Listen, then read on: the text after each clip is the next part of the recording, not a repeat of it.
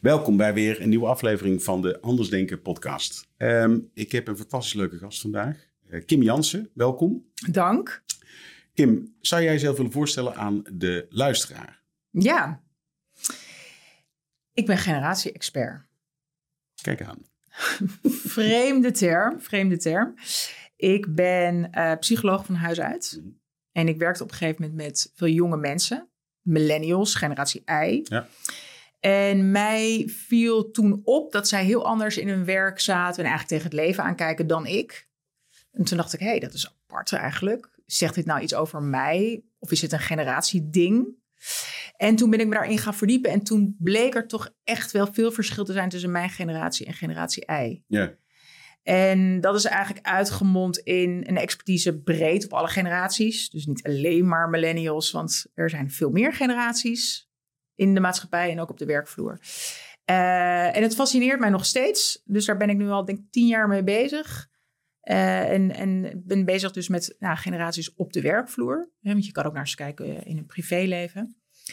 Um, en ik ben uh, moeder van een kind van vier en ik woon in Amstelveen. En doe ook nog veel naast mijn werk. Ik heb het druk, maar ik heb, ik heb ook nog een leven naast mijn nou, werk. Gelukkig, goed zo. Hey, um, nou, we hebben je uitgenodigd. Jij was vorig jaar ook spreker op ons Anders Denken Symposium. Uh, daar was ik zelf bij. Het was fantastisch leuk om uh, jou te zien acteren op dat podium. En op een vrij laagdrempelige manier uh, iedereen mee te nemen als het gaat over die generaties. Um, we praten over vier generaties op dit moment op de werkvloer. Ja. Um, kan jij eens even voor ons de definitie geven van die verschillende generaties die op dit moment rondlopen? Ja.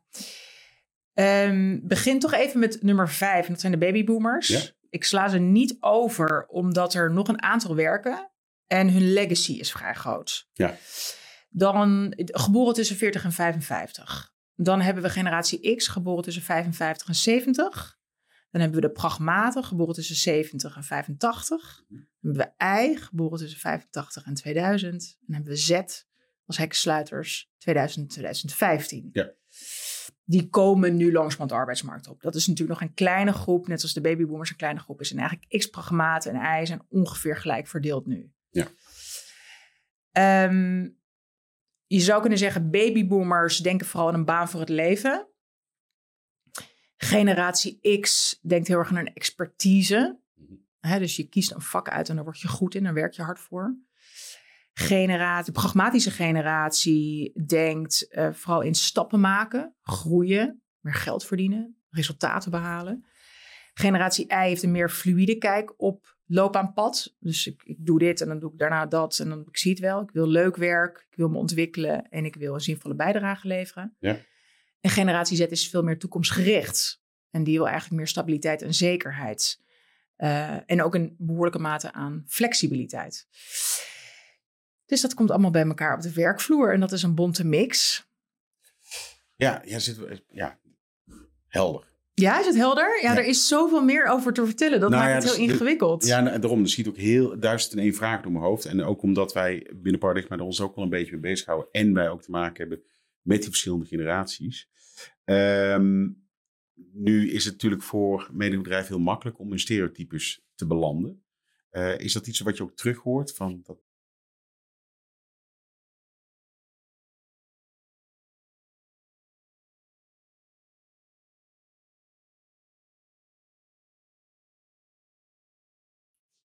Vaak wel. Dat is het. Dat is, hè, mensen zijn altijd, oh, we moeten uitkijken voor stereotypen, uitkijken voor, uitkijken voor stereotypen, uitkijken voor stereotypen. Dat, gedeeltelijk is dat ook zo. En daar moeten we ook wel voor waken. Maar het is natuurlijk, er zit gewoon een hele grote, dikke, vette kern van waarheid in de stereotypen die zijn rondom de generaties. En het zijn dus exact die ergernissen die ik hoor, die je toch ook wel terugziet in de stereotypes op, in de media. Ja. Misschien zijn ze in de media een beetje meer uitvergroot, een beetje, beetje nou ja, ludiek neergezet. Maar het, het zijn wel dezelfde dingen die ik hoor. En er is echt best wel veel ergernis tussen generaties, mhm. onbegrip, uh, eilandjes. Dus de, de, de kloof is wel echt aan het groeien. En ik zie dat veel mensen nou ja, met hun handen in het haar zitten van hoe ga ik om met Of de zo doen we het hier nou eenmaal mentaliteit. Of hoe ga ik om met die jonge, veel eisende, verwende snotneuzen die hier binnenkomen en denken alles te willen veranderen. Ja, dat, dat, daar is een spanningsveld. Ja, dat, ja. Nou, nogmaals, mijn hoofd die duizelt van het aantal vragen en ik, kan dat niet allemaal gaan stellen. Kunnen we de ehm, podcast iets langer maken? Dat we... we maken er een deel 2 van. iets op de plank liggen. Um, je hebt te maken met de gevestigde orde zoals die er is. Hm. Die generatie die komen erbij. Wij zijn ook zoekende naar die nieuwe generatie die wij ons, aan ons willen verbinden. Maar daar hangt een hele andere pakketje aan, uh, aan eisen. Je hebt het over generatie Z. Die zijn toekomstgericht, zeg jij. Dan ja. ik meteen ook een vraag want ze zijn ook op zoek naar een stukje zekerheid en vastigheid. Dus hoe verhoudt zich dat? En flexibiliteit. Nou, voor de toekomst. Ze zijn op zoek naar, naar stabiliteit en zekerheid om een, een toekomst te waarborgen. Mhm. Ehm, dus daar waar generatie I best wel de YOLO-generatie was. Hè? You only live once, vrijheid, blijheid. Vooral ook heel veel leuke dingen doen, genieten. En werk is zeker belangrijk, maar er zijn heel veel meer dingen in het leven. Zie je dat generatie Z behoorlijk serieus is. Hè? Degene die althans nu een beetje volwassen aan het worden zijn. Best wel serieus omgevingsbewust en bezig met waar ga ik heen, waar gaat de wereld heen. Um, en, en in die zin zijn zij ook weer meer gericht op geld verdienen. Ook om ja, hun toekomst veilig te stellen. Ja, maar dat moet wel met een bepaalde flexibiliteit. Dat moet met een hele grote bak aan flexibiliteit. En dat is natuurlijk paradoxaal. Denk je, hè? Ja. Hoe werkt dat dan? Maar je moet denken aan Kijk, het concept stabiliteit of het concept zekerheid.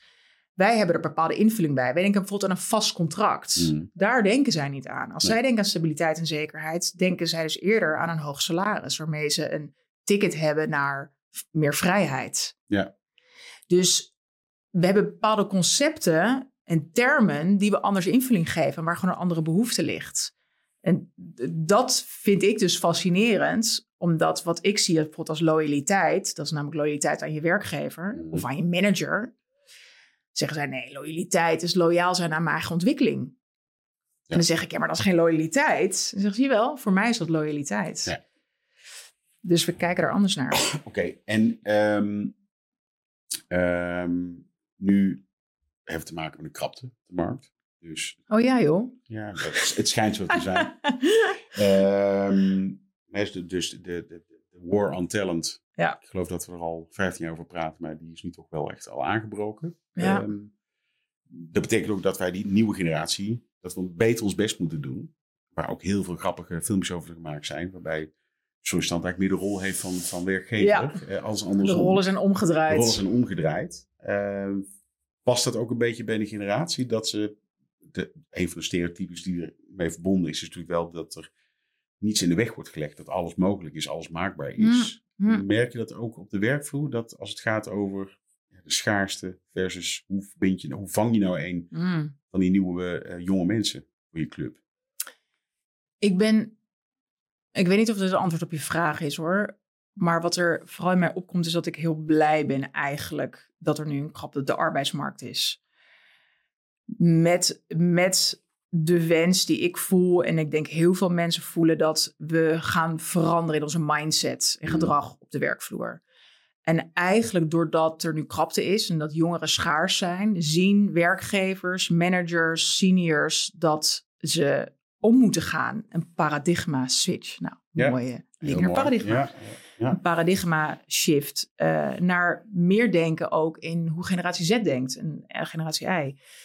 Ehm, en eigenlijk hebben we dat keihard nodig, want we hebben dat veel te lang niet gedaan. We hebben eigenlijk heel lang kunnen vasthouden aan, nou ja, zo doen we het nou eenmaal. En uh, dit is hoe het bij ons werkt. En je voeg je maar, je loopt maar gewoon in de pas. En nu in één keer zijn de rollen omgedraaid en bepalen zij eigenlijk meer de spelregels. En zeggen zij van ja, maar leuk en aardig, maar ik heb hier nog, nog tien andere banen die ik kan oppakken. Dus eh, dit zijn mijn wensen. En daar zul je iets mee moeten als werkgever. Ja. En eigenlijk is dat heel goed nieuws voor nu, omdat het ons dwingt, dus heel veel organisaties en mensen dwingt om te gaan denken: hey, welke ontwikkeling hebben we eigenlijk al jarenlang laten liggen, die we nu eigenlijk toch echt moet, dus moeten gaan maken? Ja.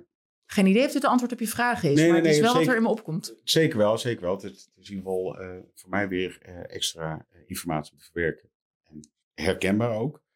Ehm, maar dat is hoe het zou moeten. Ik denk niet dat het ook zo gebeurt in BV Nederland. Nee.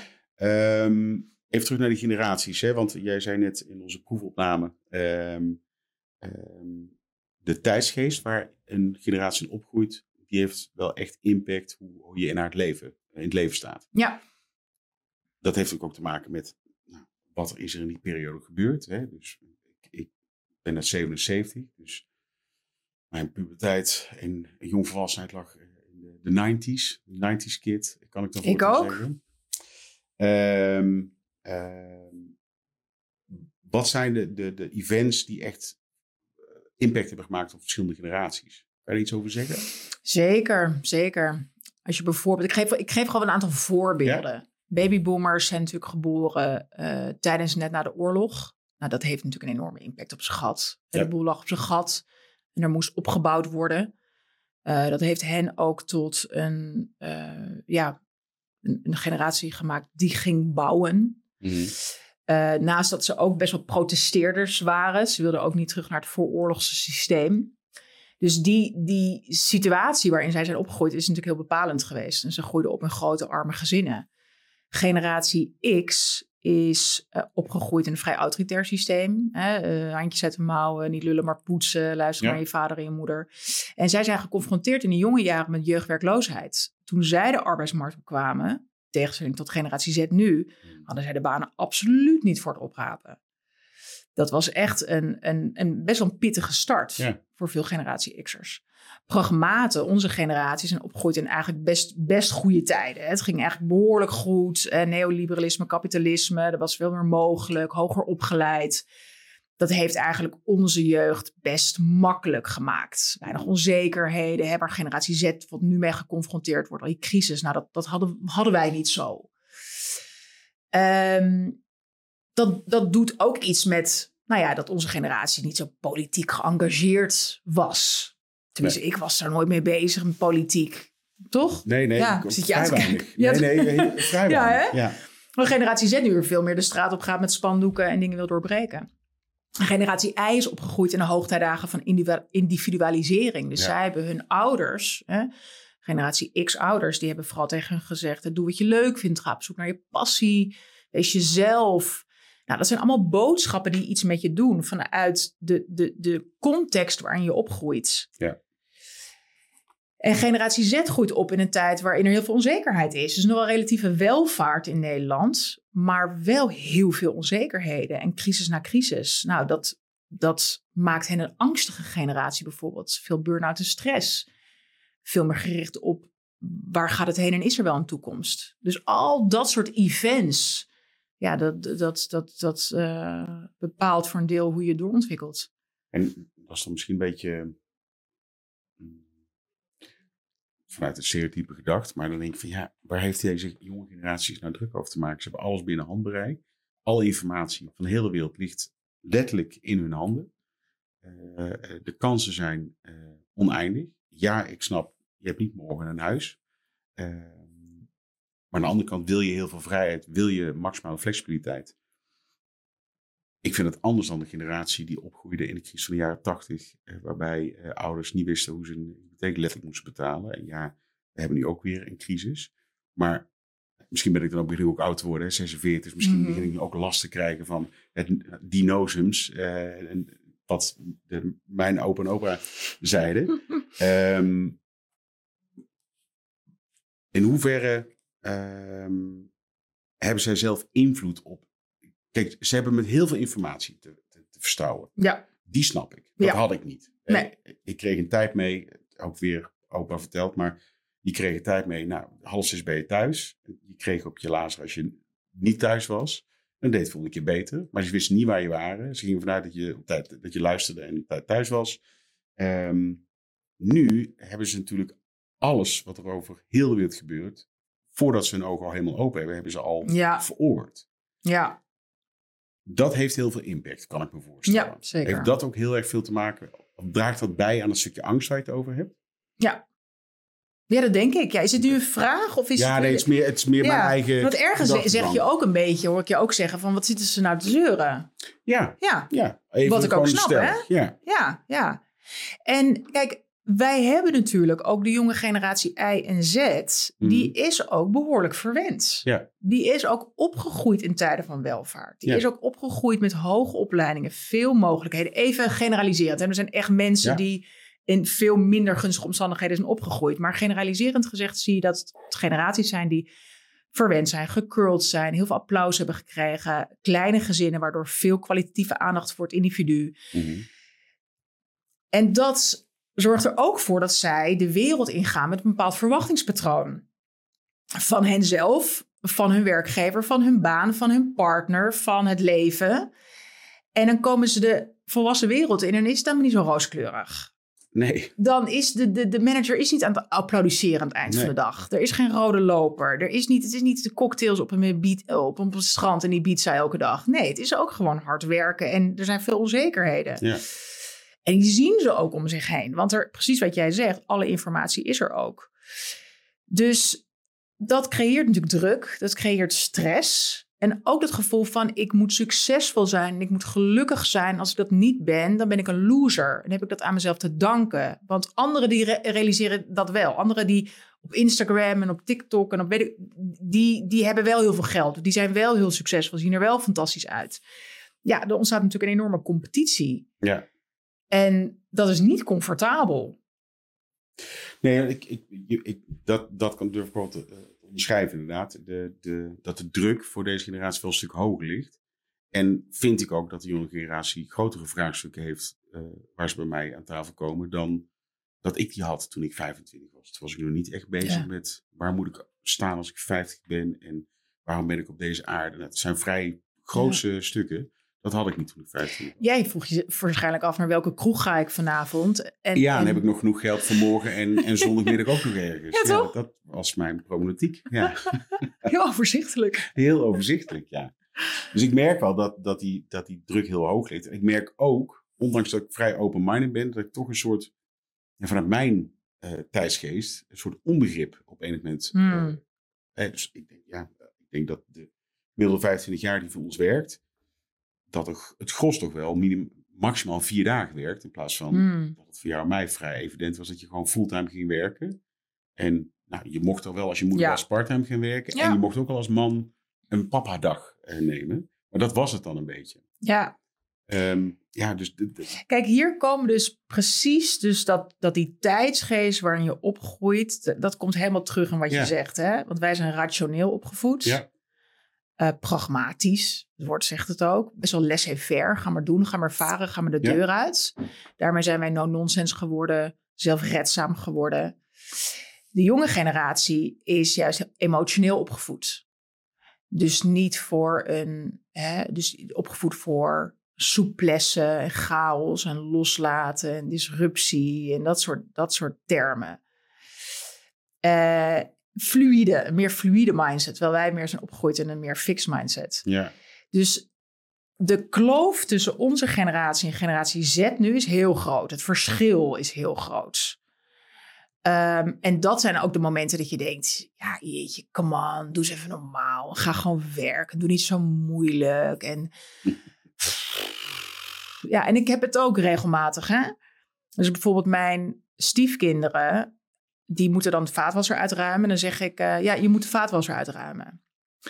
En toen zei mijn stiefdochter op een gegeven moment tegen mij: van Kim, zou je het anders willen vragen? Zou je willen zeggen: zou je de vaatwasser uit willen ruimen? Toen zei ik: ja. Moet ik nou echt zo met je gaan communiceren?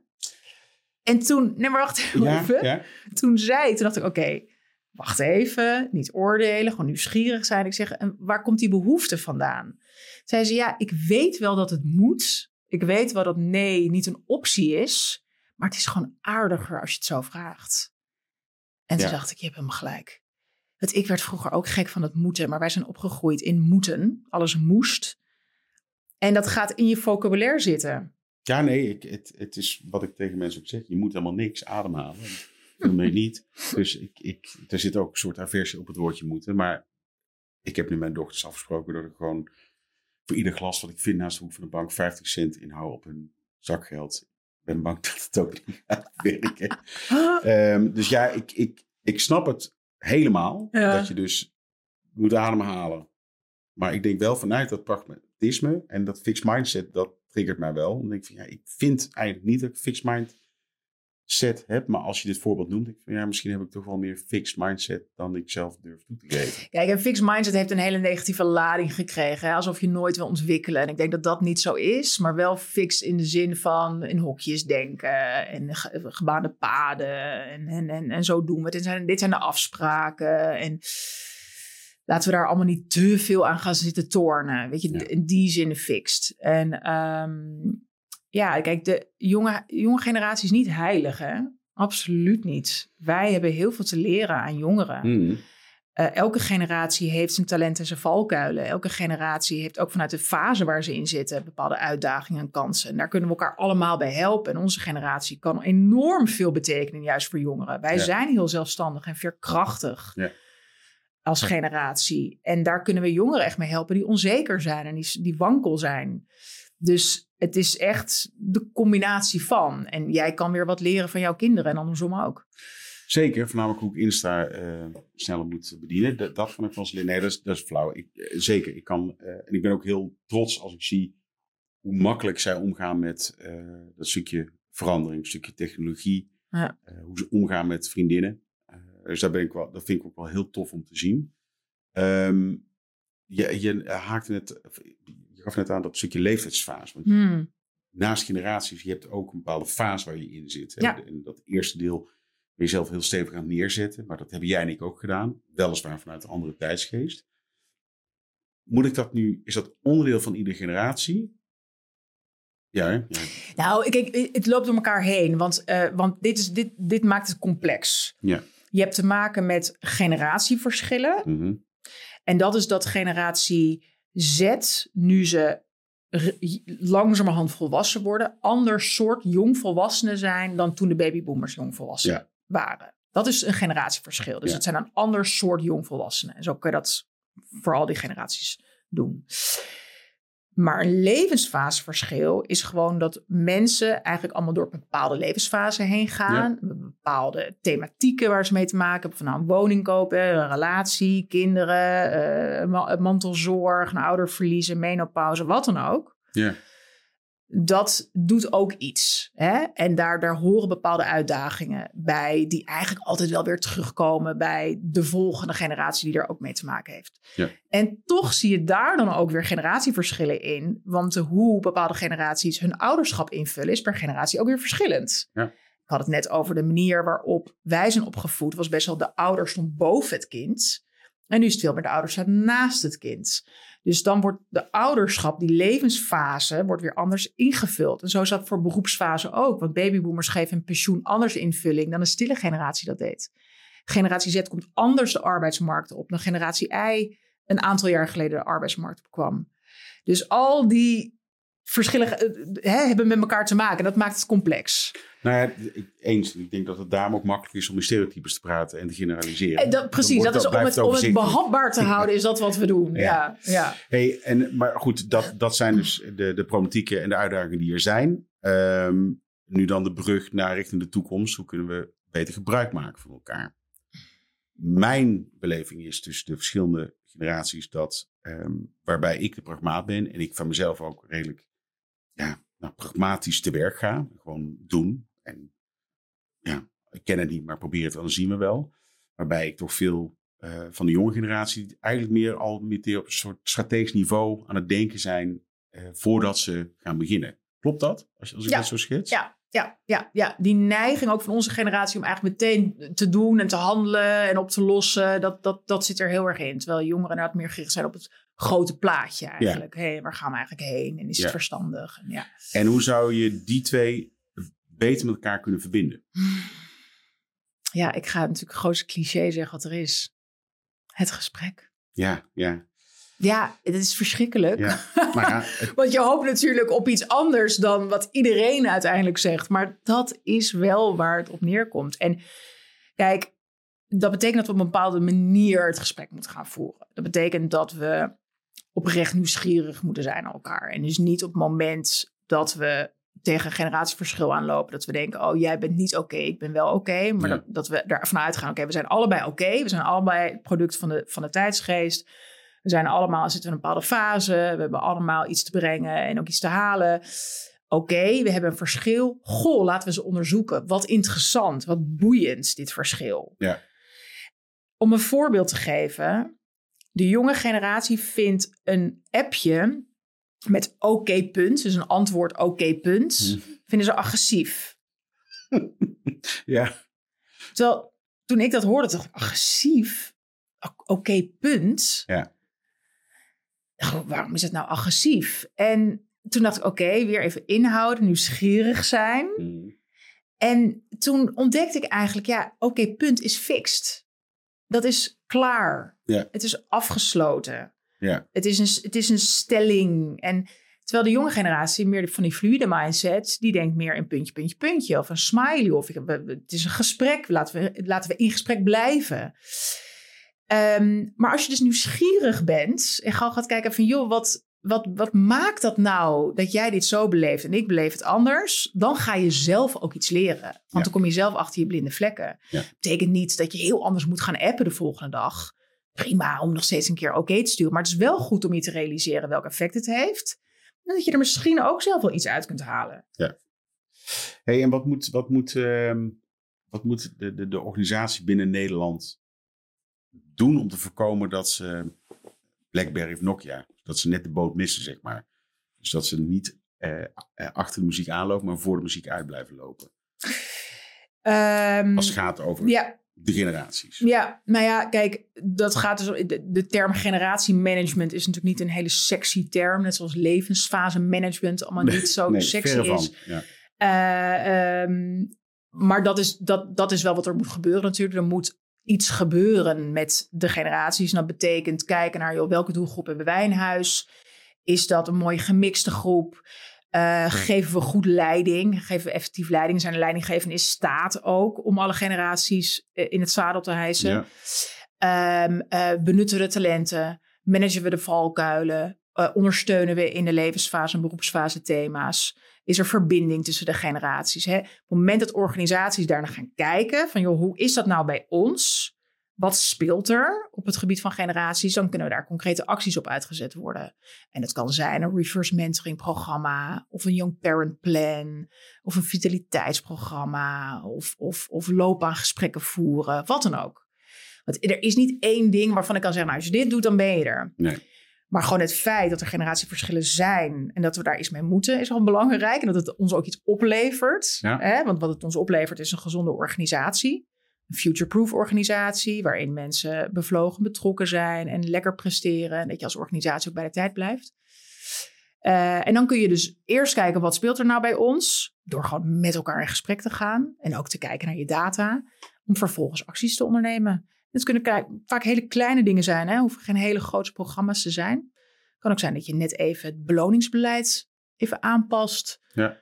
Of dat je af en toe iemand uitnodigt bij het managementteamvergadering om eens een keer mee te laten kijken. Het kan zijn dat je zegt, wie het onboardingproces doen we net even iets digitaler. Ja, van alles. Oké, dus nieuwsgierigheid is voornamelijk heel voornaam. Ja. En dus luisteren naar de verschillende generaties. Ja, want je kan nieuwsgierig zijn en niet luisteren, dan heeft het nog geen zin. Zeker, als je daarnaast eigenwijs bent, dan kun je er nog steeds Ja, ja precies. Ja. Oké, dus nieuwsgierig, luisteren. Um, um, en de verschillende, verschillende generaties met elkaar uh, in gesprek laten gaan. Kijken wat dat gaat brengen. Ja. Um, ik denk dat het makkelijk gezegd is dan gedaan. Maar ik denk uh, dat jij genoeg ervaring hebt om te zien wat de verschillen gaan uh, zijn daarin. Heb jij daar nog een, een, tot slot een mooi voorbeeld van? Wat, het, wat een organisatie heeft gedaan om iets in beweging te krijgen? Een voorbeeld wat ik net noemde, en dat is niet zozeer echt een gevestigde organisatie, maar ik vond het zo'n ongelooflijk mooi voorbeeld, is dat er jongeren waren, studenten uh, geneeskunde. Mm -hmm. En hen viel op dat het thema leefstijl eigenlijk heel weinig terugkwam in een geneeskundeopleiding. Ja. En ze zeiden wat raar, wat vreemd, want het is ongelooflijk belangrijk. Hè? Leefstijlkeuzes en, en, en nou ja, slaap en voeding en bewegingen, al die dingen. Uh, wat raar dat dat niet in de opleiding terugkomt. En toen ja, zeiden, zeiden de, de hoogleraren en docenten van ja, nou ja, het is nou helemaal zo. Dit is geneeskunde, dus curatief. En ja, dat is nou helemaal hoe het hier werkt. En toen zeiden ze, nou dan beginnen we een vereniging, student en leefstijl. We gaan het zelf organiseren. Dus die zijn zelf oh, cursussen gaan geven in leefstijl aan studenten. Um, nu, dat is in 2017 hebben ze het opgericht, dus helemaal niet zo lang geleden. En nu is het opgepakt door de universiteiten en wordt het dus opgenomen in het curriculum als een vast oh, onderdeel. Omdat de tijd er rijp voor was om hier wat mee te doen. Omdat ook genoeg artsen, er genoeg artsen waren en docenten waren die zeiden, ja, eigenlijk is het ook belachelijk dat we dit niet meenemen. Want inmiddels laten de onderzoeken zien dat leefstijlkeuzes ongelooflijk belangrijk zijn. Ja. Hè, en dat onze gezondheidszorg het echt nodig heeft om op preventie in te zetten. Wat jullie natuurlijk als paradigma natuurlijk ook uh, doen. Ja. Uh, en ik vind dat zo'n mooi voorbeeld van hoe de innovatiekracht van Jong samenkomt met de beslissingskracht um, um, ja, en de ervaring van de oudere garde. Ja. En dat ze zeggen, hé, hey, we gaan het samenbrengen. Ja, dan eh, wordt er dus wel ingezien dat verandering nodig is. Ja, ja, ja mooi. Ja. Ehm, we zijn door de tijd heen. Uh, jammer. Ja, heel jammer. Ik heb ook uh, sterk behoefte om hier nog een deel 2 van te maken. dus daar hoop ik maar op. Ehm, mag ik jou bedanken voor jouw komst. Zeker. En ik vond het ontzettend leuk. Dankjewel. Ja, ja wederzijds. Leuk. En ehm, ik nodig je graag nog een keer uit. Dankjewel. Doen we.